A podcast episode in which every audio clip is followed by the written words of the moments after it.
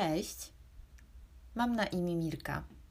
Jestem kaszubką z Gdańska, która od jakiegoś czasu w przestrzeni internetowej pokazuje piękno i specyfikę swojego regionu. Teraz przyszedł czas, w którym postanowiłam Wam o nim trochę opowiedzieć. Mam nadzieję, że i ta forma spotkań ze mną przypadnie Wam do gustu.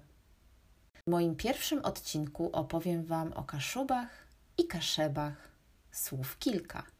Żeby zrozumieć ludność kaszubską, trzeba poznać jej historię, dlatego postanowiłam w pierwszym odcinku mojego podcastu przybliżyć Wam ją w pigułce.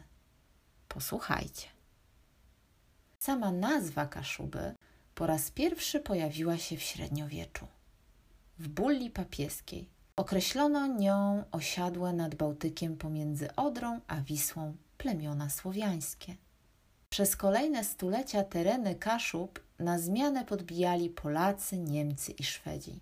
Choć najlepszy okres na tych terenach przypadł w momencie panowania książąt pomorskich. Wówczas Pomorze Gdańskie się usamodzielniło, a kaszubski książę Świętopełk I po dziś dzień jest wspominany przez Kaszubów z dużym pietyzmem i szacunkiem. Wojny, grabieże i najazdy sąsiadów trwały nieprzerwanie aż do XVIII wieku, w którym to w wyniku rozbiorów Polski Prusy wcieliły ziemie kaszubskie do swojego królestwa i niestety usilnie próbowali poddawać ludność kaszubską germanizacji, a bardziej krnąbrne jednostki spychali na te gorsze w uprawie wschodnie kaszubskie ziemie. Kaszubi szukali zrozumienia i pociechy. Znaleźli ją w wierze katolickiej, a ją reprezentował naród polski. Dlatego bliżej Kaszubom zawsze było do Polski niż do dumnych i zimnych Niemiec. Po I wojnie światowej, dzięki determinacji Kaszubów, część Pomorza powróciła do Polski owiana już jest wielką legendą podróż słynnego Antoniego Abrahama do samego Wersalu, gdzie wymusił on na władcach zwycięskich krajów włączenie tej małej części kaszubskich ziem w granice Polski. Tym samym mały korytarz do morza zyskała Polska. Niestety powrót do tak wyczekiwanej i ukochanej Polski nie był dla Kaszubów tak szczęśliwy, jak sobie to wyobrażali. Polskie władze niejednokrotnie traktowały ich gorzej niż niemieckie i na każdym kroku musieli im udowadniać swoją polską przynależność. Polacy traktowali ich jak zdrajców lub Niemców, a Niemcy jak Polaków. Przykładem była chociażby rozbudowa Gdyni. Przecież to była mała kaszubska rybacka wioska.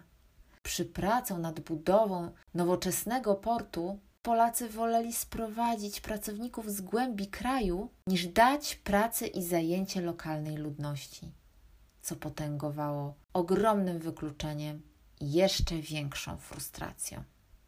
Po wybuchu II wojny światowej naziści w pierwszej kolejności najechali na Pomorze, dokonując masowych egzekucji Kaszubów. Ziemie kaszubskie zostały przyłączone automatycznie do III Rzeszy. Kaszubi stali się ponownie parobkami Niemców. Młodych mężczyzn natychmiast przymusowo wcielano do niemieckiego wojska, a kobiety masowo wywożono na roboty w głąb Rzeszy. Pod koniec wojny przyszła Armia Czerwona, wyzwalająca Pomorze nie rozróżniała rdzennych Kaszubów od Niemców, co spowodowało masowe zsyłki do rosyjskich łagrów. A co robiono z kobietami, to chyba nie muszę o tym opowiadać. Natomiast w czasach PRL-u polskie władze komunistyczne traktowały Kaszubów jak obywateli drugiej kategorii. Język kaszubski był zakazany w szkołach, a bogatą kulturę i obyczaje sprowadzono do folkloru i cepeli. Kaszubi przez wiele, wiele lat byli dyskryminowani. Odzyskali swoją godność i prawa dopiero po zmianie ustroju. Choć i ta droga nie była i uwierzcie mi, nie jest łatwa. poddawani wpływom najeźdźców, którzy za wszelką cenę chcieli pozbawić nas, Kaszubów, przynależności do korzeni. Mierząc się z tyloma przeciwnościami losu, Kaszubi byli w stanie zachować własny język. Pamiętajcie, moi drodzy, to nie jest gwara. Tradycję, kulturę i obyczaje. Nasz hart ducha, twardość i miłość do własnej ziemi pozwolił nam przetrwać niejedną historyczną zawieruchę. Najważniejszą dla Kaszubów wartością zawsze była, jest i będzie ukochana ziemia i ukochana rodzina.